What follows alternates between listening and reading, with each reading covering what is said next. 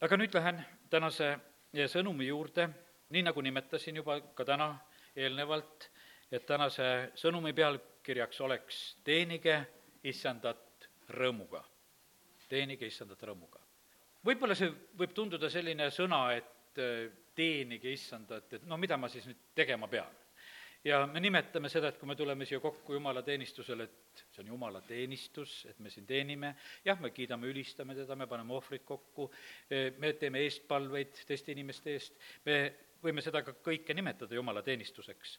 aga ütleksin veel laiemalt, issanda teenimine on tema tahte täitmine kõiges. Mis iganes, su igapäevaelus, sinu positsioonis, kas sa oled mees või naine, laps või lapsevanem, mis iganes positsioon sul on, oled sa tööl, oled sa kodus, see, mida sa nagu tegema pead, mis läheb issanda tahtega kooskõlla, see ongi issanda teenimine. sa alistud tema tahtele, täidad seda, teed seda ja nüüd täna hommikul me oleme püüdnud mõnda asja juba õieti teha. algasime jumalateenistust ja, ja ma mitte alati ei ütle ette ülistuslaulude valiku jaoks, vaid ma täna andsin viite, mõtlesin, täna on selline päev, et jutt tuleb rõõmust ja eeldasin, et tahaksin, et ka laulud oleksid sellest rõõmuväljendusest, kui me tuleme Jumala ette. tuleme ta palgete rõõmu ja hõiskamisega. ja psalm sada kakskümmend kaks üks ütleb selle mõtte, seal ütleb, et, et ma rõõmustasin, kui ma kuulsin seda, et lähme issanda kotta ja, ja sellepärast täna tahaksin soovida seda, et, et see võiks alati olla meie elus see rõõm, kui me tuleme issanda kotta et see aeg, mis siin on, siin ei oleks mitte selline pikk ja igav, vaid et see võiks olla see rõõmus ja ilus ja õnnistatud aeg, kus me oleme üheskoos issanda ees. ja nii, nagu ütlesime, rõõmsal südamel on alati pidu ja sellepärast täna tahaks soovida sulle seda, katsu hoida oma rõõmust südant. ja katsu ära saata kõik need asjad, mis tahavad su rõõmu ära röövida küll neid põhjuseid jätkub ka, mis rõõmu tahaksid röövida. ja need tahavad vahest tulla no nii kohale kui kohale, aga rõõmsal südamel on alati pidu. rõõm issandas on meie tugevus ja sellepärast täna tahan ütelda seda, et ära lase oma rõõmu ära röövida.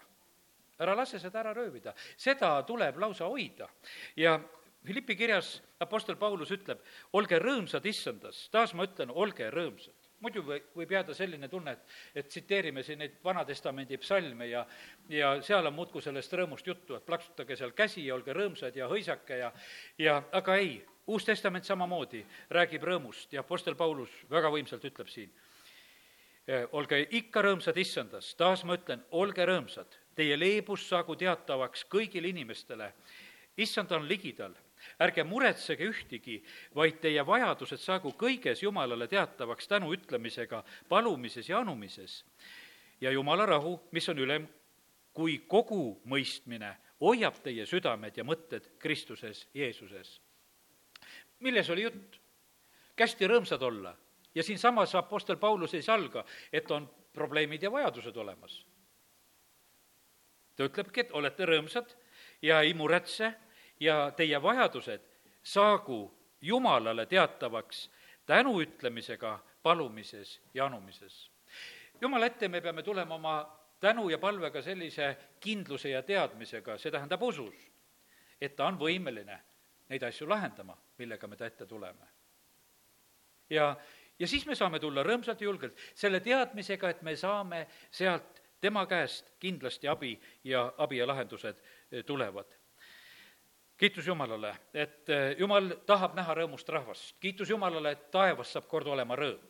ja, ja sellepärast me peame juba seda siin maa peal harjutama. Jumal tahtis alati nii, et, et kui on pühad, et pühade ajal oleks rõõmu.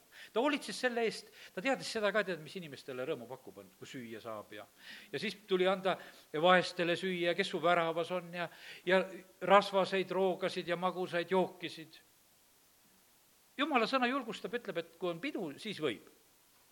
ja, ja sellepärast, kallid, jumal ei hoia nagu tagasi, et inimene saaks olla rõõmus. ja, ja sellepärast ta soovib seda, et ka meie teenimine, kui me Jumalat teenime, oleks, võiks olla rõõmuga seotud. neljas Mooses kümme kümme ütleb, oma rõõmupäevil, seatud pühil ja uue kuu alguses puhuge pasunaid ja põletusohvrite ja tänuohvrite juures see meenutagu teid teie Jumala ees, mina olen issand, teie Jumal. jumal eeldas seda, et, et need on rõõmupäevad. mida tähendasid need pühad? Iisraelis olid need eh, kolm palverännu püha, paasapüha ja lehtmajade püha ja lõikustanu püha, kus nad tulid, jah, nad pidid tulema oma andidega kui oli kümnise toomine, siis öeldi sedasi, et kui väga kaugelt tuled, et kui sa oma põlluviljast ja sa võisid selle rahaks vahetada ringi ja võisid sellisel moel tuua ja ja aga see oli seotud sellega, et sa tuled rõõmuga kõige selle hea eest, mida Jumal on sulle andnud ja millega ta sind on õnnistanud. Jumala igatsus oli see, et kui nad jõuavad tõ-, tõotatud maale, et siis nad oleksid seal maal rõõmsad. seal maal juhtus kohe esimesel, võiks ütelda hetkel nagu see häda, et see taevane manna mis kogu aeg taevast sadas ja muudkui korjasid. see lõppes ära ja tuli hakata tööga hoopis süüa saama. ei olnud enam, et lihtsalt lähen korjan seda, mis taevast tuleb, vaid külv ja künd ja lõikus, see kõik hakkas olema ja, ja selle juures pidid nad rõõmsad olema. ja sellepärast täna tahaks julgustada meid ka, et läheme usus edasi ja meil on vahest väga hea, kui me saame tulla jumalateenistusele ja saame sellise kogemuse, et, et midagi võimsat ja rõõmsat langeb meie peale. Hiljuti üks pastor ütles, et, et kui paarkümmend aastat tagasi, kui nad usus väga noored olid, ütlesid, et noh, et nad ei osanud isegi nimetada, et kui nad jumalateenistusse tulid, mis asi see on, mis sealt ülevalt kaela langeb. aga see oli nii hea ja vene keeles on neid igasugu sõnu, mille, mida siis ütelda selle kohta, ütles, et, et kui see sealt langes, et ja, ja selle, ja sellepärast nad lihtsalt tajusid, et sealt langeb aga kallid, langeb küll taevast. Ja langegu alati, kui me tuleme jumalateenistusele.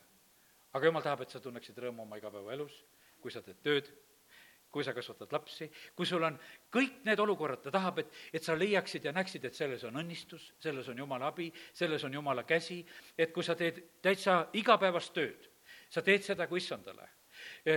Tee selline otsus, et ükstapuha, milline töö sul on, tee seda kui issandale, kelle alluvuses, kas iseenda või teiste alluvuses tee seda kui issandale, kui sa kellelegi iganes midagi teed, siis on meil see eesõigus võtta selline hoiak, et ma teen seda kui issandale. see muudab sellise võib-olla väga võib-olla sinu jaoks igava töö, mis võib-olla, ja võib-olla ongi nii, et annan sulle täna nõuande, et mis sul on võib-olla ebameeldiv, mida sa väga kuidagi eh, ei tahakski teha tee otsus, et kuule, et ma tahan teha seda nagu issandale. saad rõõmsamaks, siis sa kontrollid ja vaatad, kuule, kas sai nii, nagu issandale sobiks. ja sa rõõm on tähtis selle juures, nii et täna tahan lihtsalt julgustada, et ole, ole rõõmus issanda ees. jumal tahab, et me oleksime tõotatud maal õnnistatud. jumal tahab, et me saaksime tõotused kätte, et me liiguksime eh, usus edasi ja sellepärast kiitus Jumalale ja olge rõõmsad, issand, oma Jumala ees. Teie ja teie pojad ja tütred, teie sulased ja teenijad, ka leviit, kes teie väravais, sest temal ei ole osa ega pärandit koos teiega vaid sa pead sööma issand oma jumala ees, selles paigas, mille issand su jumal välja valib. sina ja su poeg ja tütar, sulane ja teenija, leviit, kes on su väravas, ja ole rõõmus oma issand oma jumala ees, kõige pärast, mida su käsi on hankinud. jumal tahab, et meie oskaksime rõõmu tunda sellest, mida meie oma käega oleme teinud et me võiksime tunda rõõmu oma kätetööst, need olid siin viies Mooses kaksteist, seitse, kaksteist ja, ja kaheksateist salmid, mida ma siin tsiteerisin praegusel hetkel. toon ühe teistpidi rõõmusalmi. siin on see, kui on näiteks, kui on sõjaaeg ja siis äh, seadus oli selline, et kui keegi abiellus, siis oli see eesõigus, et kui mees on äsja võtnud naise, siis ta ei tarvitse sõtta minna, tema peale ärgu pandagu mingit muud kohustust, olgu üks aasta vaba oma pere jaoks, ta rõõmustagu oma naist, kelle ta on võtnud. nii et, et jumal jälgib seda ka, et meie elus võiks olla selline kord ja rõõm ja ja ka perekonnas ja, ja mis iganes. kiitus Jumalale selle eest. aga võtame selle hoiatava salmi ka, mis võib-olla aitab nagu ärkvel olla et seda rõõmujuttu kuulda, sest kaua te muidu seda jaksate kuulata. aga võtame viies Mooses kakskümmend kaheksa, nelikümmend seitse ja nelikümmend kaheksa salm. ja see on hoiatus. et sa ei ole teeninud issandat, oma Jumalat, rõõmuga ja heast südamest, kõige külluse eest, siis sa pead teenima oma vaenlasi, keda issand saadab su kallale näljas, janus, alasti, täielikus puuduses ja ta paneb su kaela peale raudikke, kuni ta sinu on hävitanud. ei ole naljajutt tegelikult täna, mida ma räägin, mitte sugugi. et eh, lihtsalt, et me teeme siin rõõmsa näoga neid asju, et eh, kiidame Jumalat rõõmsa näoga ja ohverdame rõõmsa näoga. Jumal tegelikult väga jälgib seda, et kas meie teenimine on rõõmuga, kas see tuleb meie rõõmsast südamest ja sellise ilutsemisega, võiks ütelda veel. kas selles on pidulikkust, rõõmu? jumal ootab seda, et selles võiks see kõik olla. ja sellepärast tahaks väga soovida, et see meie kõikide eludes nii oleks. kõige selle eest, mis Jumal teeb. kui Jumal sind tervendab, täna rõõmutse. kirjuta kas või see väike paber, too, too see tänu, tee midagi et kuidagi su rõõmsaks väljendatud. tee, väljenda oma rõõmu mingil moel, mis iganes. kui jumal midagi kingib, teeb sulle, su elus midagi head, mis sa näed, mis on ilmselt Jumala käsi mängus olnud, väljenda sellest rõõmu jaga seda teistele ja sellepärast, kallid, me ei tohi seda mitte tegemata jätta, teenime issandat Jumalat rõõmuga kõige selle eest, mida tema meile annab. kiitus Jumalale, see on rõõmu põhjus. kui sa täna võid tunda ennast tervelt, hästi, kui sul on selge mõistus, kui sa hakkad nagu mõtlema selle peale, kui sa võid kõiki asju süüa, kui sa ei ole ütleme sellisel tervislikul põhjul dieedil lihtsalt, et sa ei tohi seda süüa, ei ma seda tohi, ei ma toda tohi. tead, kiida Jumalat, kui sa veel täna kõike võid süüa, eks. sest et mulle nii meeldis, keegi oma sellises oma toidu tänupalves ikka ütles, et tänas Jumalat selle eest, et ta kõike võib süüa. aga tõesti meeldib, istud lauda ja sa ei ole piiratud. et mu-, muist asjad on mingid vaateleivad su jaoks, vaid et sa võid kõike süüa kiitus Jumalale. ja sellepärast avarda oma neid rõõmu ja tänu põhjuseid. ja kui sa teed seda, saad ise ka rõõmsamaks ja Jumal rõõmus ja, ja sina rõõmus. nii et kiitus Jumalale, et Jumal on nii hea. ja Taaveti lauludest äh, on väga palju rõõmuväljendusi ja, ja sellepärast äh, Jumalale see mees väga meeldis et selle mehe süda oli rõõmus. Ja sellepärast me vahest laul, laulsime vanasti seda laulu ka, et tahan laulda nii, nagu ta Taavet laulis ja ja, ja sellepärast olgu see nii, et, et meie südametes võiks olla siis ka see, et tõeline rõõm. psalm viis kaksteist ütleb, aga rõõmsad olgu kõik, kes sinu juures pelgupaika otsivad. psalm üheksa kolm, ma liigun siin kiiresti edasi, kui kiiresti sa keerata jõuad, proovi ka ma olen rõõmus ja ilutsen sinus, ma laulan kiitust su nimele kõige kõrgem. psalm kuusteist, üheksas salm ütleb, sellepärast rõõmustab mu süda ja see põhjus on see, et issand on ta paremal pool ja mu hing ilutseb, ka mu, mu ihu võib julgesti elada. Ku-, kuusteist üksteist ütleb, sina annad mulle teada elu teeraja ja rõõmu on rohkesti su palge ees. meeldivaid asju on su paremas käes alatiseks. Taavetil oli selline kogemus, et, et kui koos eh, Jumalaga käia, et siis on niimoodi, et, et noh, et Jumala käes on alati meeldivaid asju. mina mäletan oma lapsepõlves seda, et vaata, see oli aeg nii hoopis teine. aga lapsele tegi isegi rõõmu see, kui sa suhkrutüki said kellegi käest, tüki suhkrutüki. ja olid tädid, kes käisid jumalateenistusel ja mõnedel tädidel olid need suhkrutükid kaasas. Ja me lastena teadsime alati nende tädide juurde minna, kelle käest võis selle suhkrutüki saada. ja sellepärast, kallid, täna ma ütlen seda, et jumala käes on alati neid meeldivaid asju. ja, ja see on nii loomulik, et orienteeru selle järgi jumal ei hoia neid niisama käes, et mul on ja, ja sul ei ole, vaid ta tahab, et sul oleks. ja sellepärast siin see laul rõõmustab ja ütleb seda, et meeldivaid asju on paremas käes tal alatiseks. ja sellepärast on nii, et hoia, hoia sinna Jumala parema poole peale, vaata, mis ta sealt käest tuleb. kiitus Jumalale, et me tohime seda täna üksteisele lihtsalt ütelda. tunne rõõmu Jumala sõnast, psalm üheksateist üheksa ütleb, issanda korraldused on õiglased, need rõõmustavad südant, issanda käsk on selge, see valgustab silmi ja sellepärast tunne rõõmu samuti Jumala sõnast, see on õnnistuseks. see on selline valgus, mida siin selles maailmas on lihtsalt vaja. Asjad lähevad segi, mõtle, mõttemaailmad aetakse segi, arusaamad aetakse siin segi, aga meil on Jumala sõna, mida ei ole segi aetud. Ja sellepärast me võime seda julgelt kuulutada ja rääkida issanda korraldused on õiglased ja need rõõmustavad südant, issanda käsk on selge ja see valgustab silmi.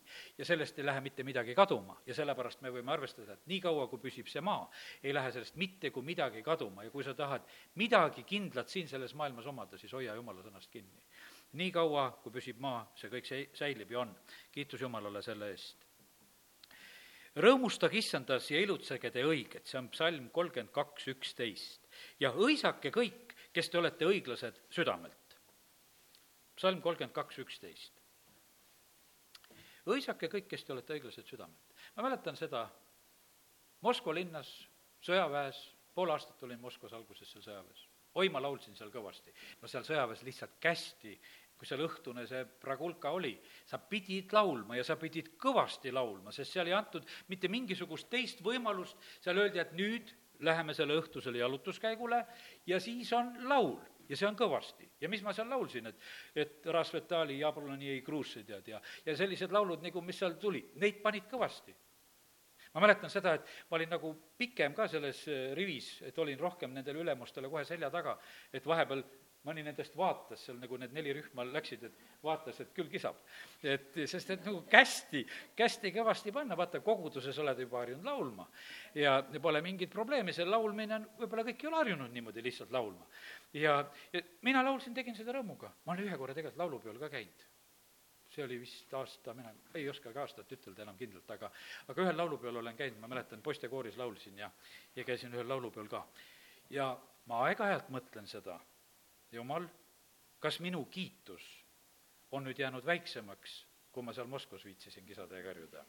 et noh, et no siis ma olin noorem, aga ma tegin seda, ma tegin seda sellisest kuulekusest ja ma olen mõelnud sedasi, et jumal, et et ega ma ei riiva sind, kui ma niimoodi natuke moka otsast nüüd lasen et ma nendele pirnidele ja õuntele laulsin seal väga kõvasti, eks, aga kallid, olgu see nii, et me nagu kaaluksime läbi, et mis asi see on, et, et jumal peab saama meie käest selle kõige parema kiituse, kõige kõvema kiituse. ja, ja sellepärast olgu see nii, et et olgu see meie otsus, kontrollime vahest seda lihtsalt üle, et kus läheb meie kõige suurem kiitus.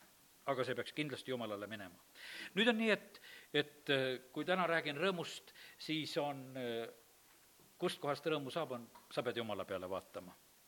psalm kolmkümmend neli kuus ütleb, kes tema poole vaatavad, säravad rõõmust ja nende palgel ei tule kunagi häbi. sa pead Jumala pea, poole vaatama, sa pead arvestama, et kust tuleb abi, kust tulevad lahendused ja kui sa unustad Jumala poole vaadata, su sära kaob ära sus ära kaob ära. ja sellepärast, kallid, ja seda, me ei saa seda peita, et kui sul seda sära ei ole, ei see, sul, sa võid isegi naeratada, aga kui sa kurb oled, see paistab ikka välja. see, see ei ole võimalik ja sellepärast ei ole, ja jumalat ammugi ei peta ära, inimesi ongi raske ära petta. ja sellepärast on nii, et ainukene võimalus on see, et, et, et sa vaata Jumala poole ja sellepärast, mida rohkem sa oskad Jumala poole vaadata, seda säravam sa oled ja sellepärast tee seda, tee seda sõna läbi, tee seda palvetades, tee seda Jumalat kiites. Ja küll see sära tuleb su peale. kiitus Jumalale. ma ei tea, siin oli, näed, Eenok, südamest kaastunne, oled täna siin, oleme su ema saatnud puhkama. Ja üks asi on mulle saladus ja ma ei tea, kui Jumal seda ei ilmuta, siis seda teada ei saa. aga ma mõtlesin, et, et Eenoki ema, Olga, elab praktiliselt üheksakümmend neli aastat vanaks, aga mida ei juhtu, kortsu ei lähe ja ma ei usu, et ta ühtegi kreemi tarvitas selleks. aga ma usun seda, et aga seal oli ka see jumala kartus, seal oli see naeratus, seal oli see sära. lihtsalt. see on, see on lihtsalt võimas.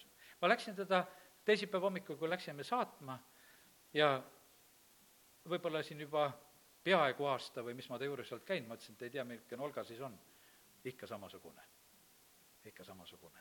ja sellepärast, kes Jumala poole vaatavad, need säravad rõõmust ja see mõjub su palgele väga hästi. psalm kolmkümmend kuus üheksa. vaat, vaadake, mis juhtub Jumala kojas. Nad saavad söönuks su koja küllusest ja sa joodad neid rõõmujoovastuse ojast.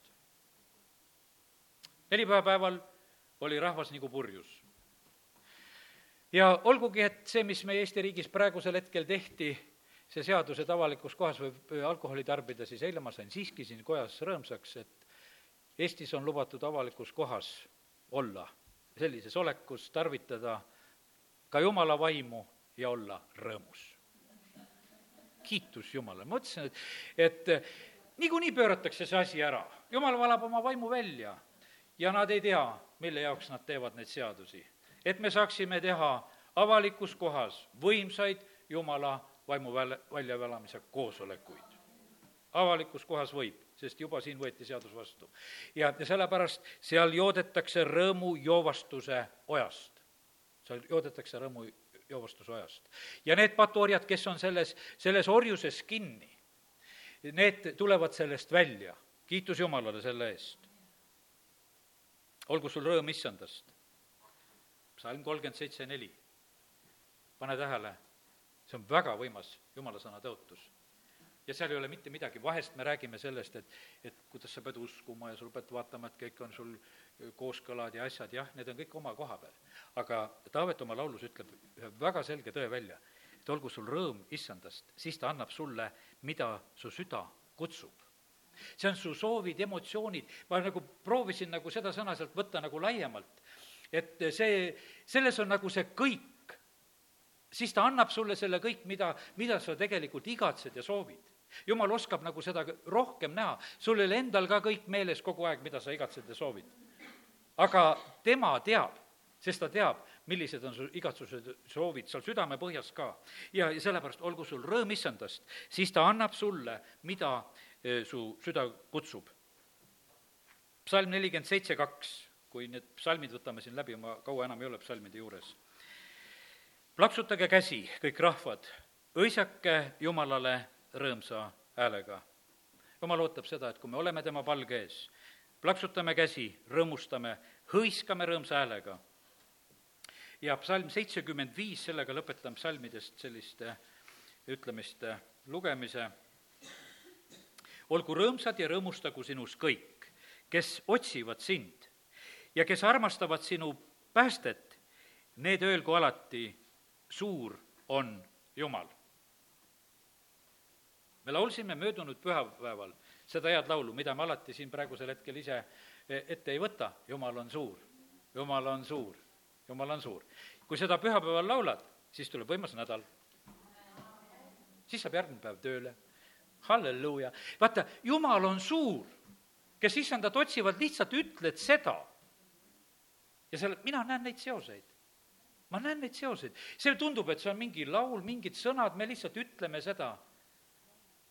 Aga jumal ei võta seda niimoodi, et see on mingid sõnad, aga ma olengi tegelikult suur.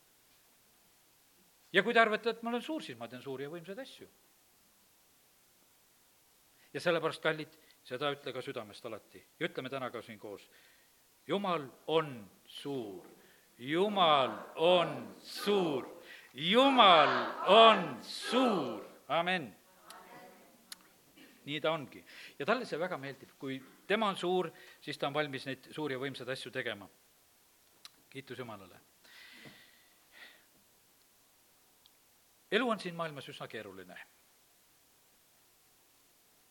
Iisraelis on praegu jälle ärevamad ajad, võib-olla see jääb Ukraina, võib-olla see jääb laulupeo, võib-olla mis iganes varju võib-olla su omad toimetused, asjad, sa ei mõtlegi selle peale, aga me teame praegusel hetkel, et, et on seal Gazas olukord jälle teravam, kolm Iisraeli noorukit eh, tapeti seal, üks Palestiina nooruk on seal tapetud, eh, need sellised vastuolud on eh, suuremaks läinud, tulistatakse ühelt ja teiselt poolt, Gazast lastakse rakette eest, Gaza kuulab, kuulub palestiinlastele, eks, ja, ja Iisrael ründab vastu ja nii, et sellised olukorrad on. see tegelikult alati, kui ma kuulen uudiseid, mis Iisraelis ka just füüsiliselt sündimas on, siis me peame arvestama sellega, et võitlused ja ka võidud lähevad suuremaks koguduse keskel. ja sellepärast äh, arvesta sellega, et maailmas on asjad toimumas ja nad toimuvad nii siin kui seal ja see Iisrael on see lakmuspaber siin selles maailmas ka koguduse koha pealt. me oleme sellesama juure külge jätkatud. me oleme sellesama juure külge jätkatud, kiitus Jumalale, et, et see puu on nii suur et äh, kui seal praegusel hetkel on, ütleme, Iisraelis need lood sellised äh, noh, ütleme, vastuolud suuremad, siis kus on vastuolud väga suured, on praegu Ukrainas. Ukrainas on muideks ka väga palju juute hästi palju on juute veel, kes on Ukrainast minemata, nad lähevad küll praegusel hetkel, väga paljud, praegusel perioodil ära. ja nüüd on niimoodi, et, et vaata, selle juure kallale minnakse, hakkab pihta, siis hakkavad need asjad sündima ja need puudutavad meid. Eestimaal meil praegusel hetkel läheb veel üsna vaikselt aga kallid, aga me oleme sellesama puu küljes ja sellepärast oleme väga valvel, tähele panemas seda, mis asjad on nagu sündimas üldse maailmas ja jumala riigis. ja et me oskaksime olla nagu valvel ja, ja tegutseda ka omalt kohalt. nüüd järgmine mõte, mille juures ma tahaksin tänasel hommikul veel peatuda, mis meie rõõmsaks olemise juures on samuti ju oluline, nii nagu ma loetlen üle veel, eks, meie ülistus, meie ohvrid, meie igapäevatöö, igasugused ülesanded, paastumine, nii nagu olen nimetanud, ja jumala tunnistamine, palvetamine, mis iganes meie elus on, jumal ootab, et meie teeksime neid asju rõõmuga. või kui sa aitad teisi, hooldad teisi, sõna ütleb samamoodi, et tee neid rõõmuga ja, ja neid erinevaid kohti on jumala sõnas hästi palju. me oleme sellises ühises suures jumala peres. Ja nüüd jumala riigis on nii, et ei ole üldse töötuid. ma lugesin tänasel hommikul seda Mattiuse kakskümmend tähendamise sõna, kus on räägitud sellest viinamäest, kus viinamäe isand läheb palkama, läheb hommikul vara ja siis läheb kuni üheteistkümnendal tunnil, kutsub viimased töötegijad. kõigile makstakse ühesugune palk.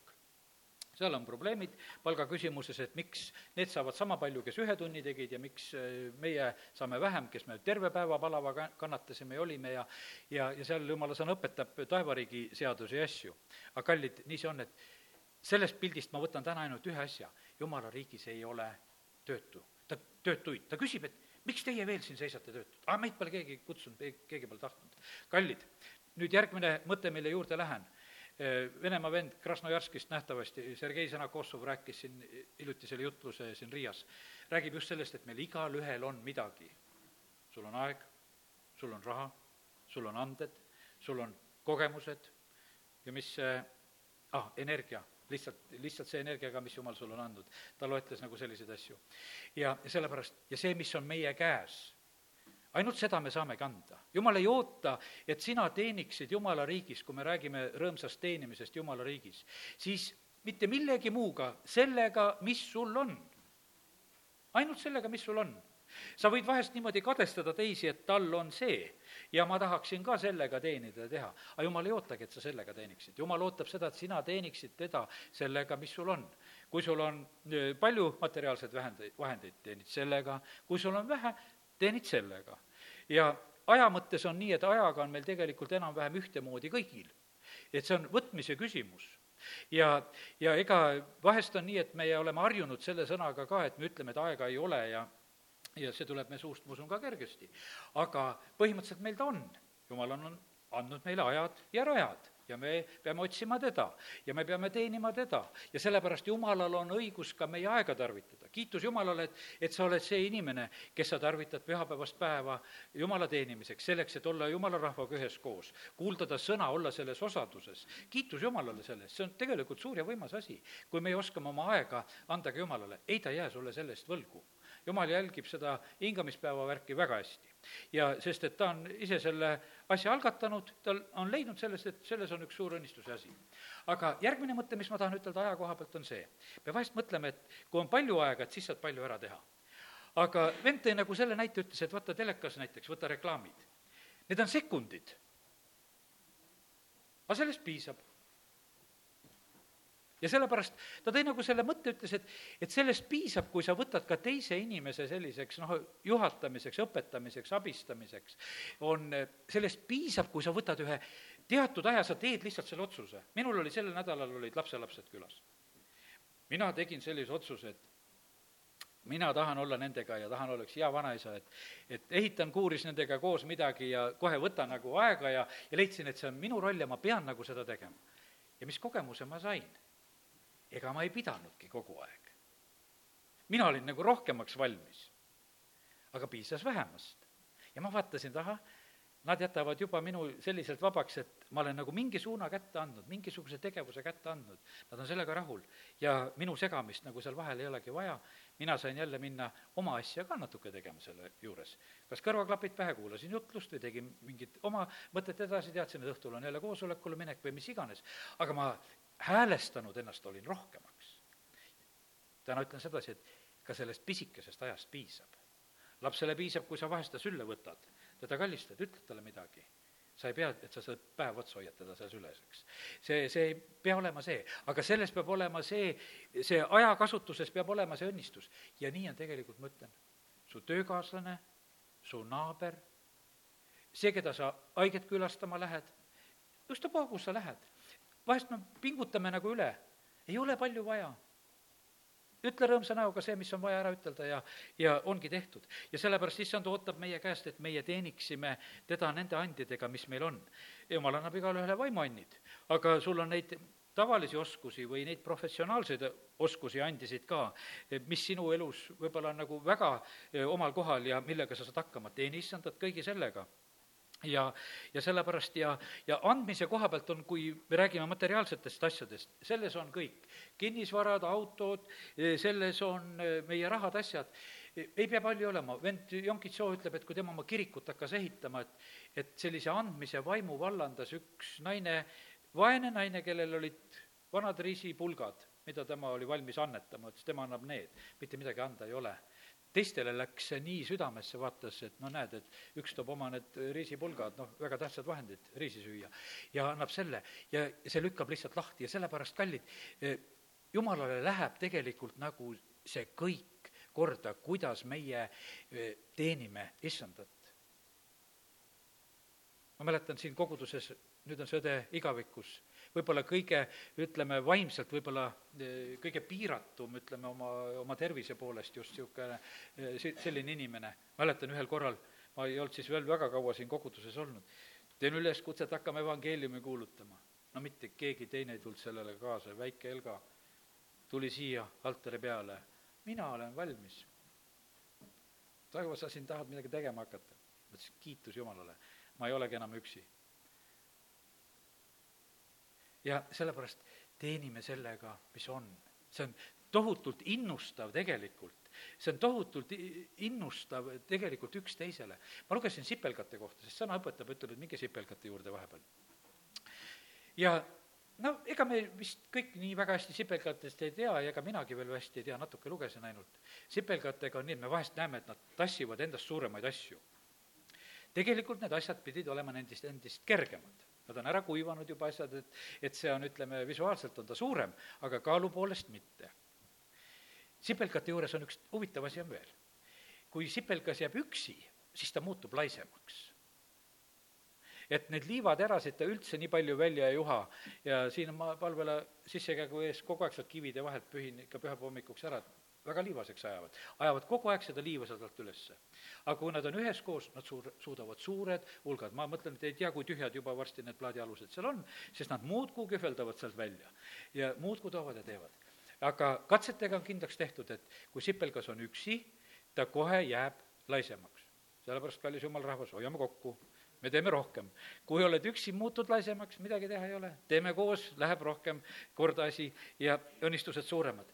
ja, ja sellepärast kiitus Jumalale, et, et nii nagu õpetuse sõnades on öeldud, et mine sipelga juurde, sa laisk ja õpi ja, ja sipelgas kogub ka endale selle suvel leiva ja nii, et head nõuanded tulevad Jumalal ka kõige selle loodu kaudu, mida ta siia maailma on loonud nii et katsume olla virgemad, katsume olla innukamad issanda töös. ja, ja sellepärast, ja me oleme, kuidas ütelda, siin Kristuse ihus me oleme üheskoos. ja jumal on nii seadnud, need sõrmed on üksteise kõrval ja, ja, ja ütleme, et, et jalad on meil kõrvuti ja, ja kui sa midagi tõstad, siis on selline noh, ütleme, et ma püüdsin nagu ette kujutada, et mis siis toimub. ma võtan mingi raskuse no kõikide sõrmedega eh, püüad aidata teha, siis eh, hoiad seda kinni siis pumbatakse sinu lihastesse verd, sinna lihastesse, kus on see töö sellel hetkel suurem, kuskil kuskilt võetakse nagu vähemaks, sest ega su verekogus ju sellel hetkel ihus ei muutu, vaid et ta lihtsalt tuleb sinna, siis vaatad, et need musklid ja veresooned on kuidagi suuremad ja laiemaks läinud, kui sa kätega tööd tegid ja ja, ja sealsamas juures, selg on väga oluline, eks, kogu see, kogu see ihu tegelikult mitte kui, mitte kui midagi tegelikult ei ole nagu mängust väljas ja kõik on nagu omal kohal. ainult, et, et noh, et ütleme, et meie vahest nagu vaatame nagu sinna, et ikkagi, kui, kui tõstmisega on tegu, siis me vaatame muskleid. aga tõstjad näevad väga suurt vaeva oma jalgade treenimisega, oma selja treenimisega, nad ei treeni ainult oma käsi, vaid terve, terve ihu peab olema tugev siis nad suudavad tõsta. ja sellepärast vahest võib see tunduda ka, et me oleme Kristuse ihus, et, et meil võib tunduda nii, et mõni koht on nagu võib-olla nagu kuidagi vähem nähtav või ei, ei ole nii esil, aga tegelikult Jumalal on see kõik nii tähtis ja oluline. mis on su elu ülesanne? võtan sedasi, et issanda teenimises. Rist Johannes oli alles me silmade ees siin jaanipäeva kaudu ja, ja ma lugesin siit Johannese evangeeliumi esimest peatükki ja loeme täna, ma näitan mõned kohad teile. mis oli Rist Johannese ülesanne? Teda oli kutsutud selleks, et ta oleks viimane prohvet, kes enne Jeesust annab oma tunnistused. ja kuidas ta seda teeb? ja vaata, kuidas sõna toob välja tegelikult, et kui ustav oli Rist Johannes oma ülesandes ja esimeses peatükis Johannese evangeeliumis seitsmes salm kõigepealt oli Jumala läkitatud mees nimega Johannes. me teame, et tema kohta oli öeldud seda, et Jumala sõna sai teda kätte. siis ta hakkab kuulutama ja rääkima seda, mida ta rääkima pidi. See pidi tunnistust andma, tunnistama valgusest, et kõik hakkaksid tema kaudu uskuma. tema ise ei olnud valgus, vaid ta pidi tunnistama valgusest. nii et see Johannese evangeelium Äh, algab nii, et ta räägib, et Johannes oli kutsutud selleks, et ta peab tunnistama ja see valgus oli Jeesus, kellest ta pidi tunnistama. nüüd, mis edasi läheb? viisteist salm ütleb, Johannes tunnistas ja hüüdis valjusti. Tema ongi see, kelle kohta mina ütlesin, see, kes tuleb pärast mind, on olnud minu eel, sest tema oli enne kui mina. Ta võtab seda ülesannet, mis talle oli antud, et mina pean Jeesusest tunnistama ja rääkima, ta võtab väga tõsiselt. Ja kus tal oli võimalus, siis ta ei teinud seda vaikselt, vaid ta hüüdis, ta hüüdis valjusti, ta andis tunnistuse tema kohta. kakskümmend üheksa salm. Järgmisel päeval nägi Johannes Jeesuse, Jeesust enda juurde tulevat ja ütles, vaata, see on Jumala tall, kes kannab ära maailma pattu. tema ongi see, kelle kohta ma ütlesin, pärast mind tuleb mees, kes on olnud minu eel, sest tema oli enne kui mina. minagi ei teadnud, kes ta on, kuid mina olen tulnud ristima veega selleks, et tema saaks avalikuks Iisraelile. Kolmkümmend kaks salm. ja Johannes tunnistas, ma nägin vaimu tuvina taevast laskuvat ja tema peale jäävat. minagi ei teadnud, kes ta on, kuid see, kes minu läkitas veega ristima, tema ütles mulle, kelle peale sa näed vaimu laskuvat ja tema peale jäävat, see ongi, kes ristib püha vaimuga. ja ma olen näinud ja tunnistanud, et seesama on Jumala poeg ta võtab väga tõsiselt seda, et minu ülesanne on tunnistada ja rääkida, et, et jumala poeg on tulnud siia maailma. See jumala tall, kes võtab kogu maailma patu, ta tuli selleks, et seda tegema. ja ega ta, palju rohkem tal seda ülesannet ei olnudki ju see oli ta ülesanne, see oli ta elu ülesanne ja, ja kiitus Jumalale, et ta täitis seda nii innukalt ja sellepärast, mis on meie selline elu ülesanne, mis me peame nagu ära tegema. ära ole sellest kurb, kui sul ei ole võib-olla ei tea, mis pikkasid jutlusi või asju ja no kui Jumal oli andnud rist Johannese sai sellise sõnaga kätte, ta räägib ja tunnistab sellest Jeesusest ja kõik ainult sellest, mis Jeesuse ümber sellel hetkel, kui tuleb tuvi, siis ütlen, et tuli tuvi, ma tunnistan, et ma nägin, et ta tuli, püha vaim tuli ta peale, ta oli kutsutud selleks. ja, ja ta oli õnnistatud, et ta seda tegi. ja nüüd ma loen veel kolmandast peatükist, salmist kakskümmend kaks ja sealt edasi on veel mõned kohad. ja siin on veel tunnistamisest juttu pärast seda läks Jeesus oma jüngritega Juudamaale. ta viibis seal koos nendega ja ristis. ka Johannes oli Ainionis Salimi lähedal, seal oli palju vett. inimesed tulid sinna ja lasksid end ristida, sest Johannes ei olnud veel vangi heidetud. siis hakkasid Johannese jüngrid ühe juudiga puhastamise üle vaidlema ja nad tulid Johannese juurde ja ütlesid talle, rabi, see, kes oli sinuga sealpool Jordanit ja kellest sa tunnistasid, vaata, ka see ristib ja, ja kõik lähevad tema juurde. ja Johannese jüngritel oli ka meeles, et kuule, et üks tunnistaja meil siin on, kes Jeesusest muudkui tunnistab, ja nüüd ongi nii, et kõik muudkui lähevad Jeesuse juurde. Johannes kostis, keegi ei suuda võtta midagi, kui see ei ole temale antud taevast. Teie ise olete mi-, mu tunnistajad, et ma ütlesin, et mina ei ole Messias, vaid ainult tema eele läkitatu kellel on mõrsja, see on peigmees, peigmehe sõber seisab aga kõrval ja kuuleb, kuulab teda ja on väga rõõmus peigmehe hääle üle. nii on nüüd ka minu rõõm saanud täielikuks. tema peab kasvama, aga mina pean kahanema.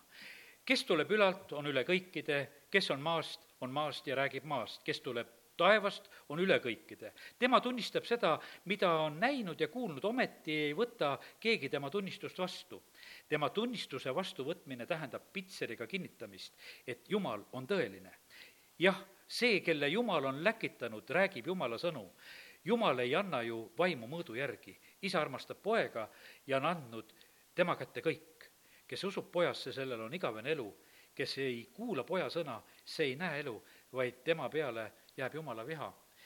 Johannes võttis väga tõsiselt tegelikult seda eh, Jeesusest tunnistamist. siin oli jutt, et äh, lihtsalt, et üks rabi tuleb sinna ja vaidleb seal äh, puhastamisteemadel ja mis seal nendel parasjagu pooleli olid ja, ja, ja siis räägitakse, et Jeesuse juurde läheb rohkem rahvast kui Risti Johannese koosolekule praegusel hetkel ja ta annab selle tunnistuse. ja ta annab nii võimsa tunnistuse, et neljas peatükk ütleb, ütleb seda kui nüüd issand sai teada, et variserid olid kuulnud, et Jeesus teeb jüngriteks ja ristib rohkem inimesi kui, kui Johannes, kuigi Jeesus ise ei ristinud, vaid tema jüngrid, jättis ta Juudamaa ja läks tagasi Galileasse. et, et see Johannese tunnistus oli nii mõjuv, et Jeesus vahetab paikkonda, ütleb, et kuule, praegusel hetkel on see mees tunnistanud ja teinud minu nii kuulsaks, et ma hetkel pean siit lahkuma. ja seal, ma nägin selles seda sellist niisugust tunnistamise suurust ja võimsust.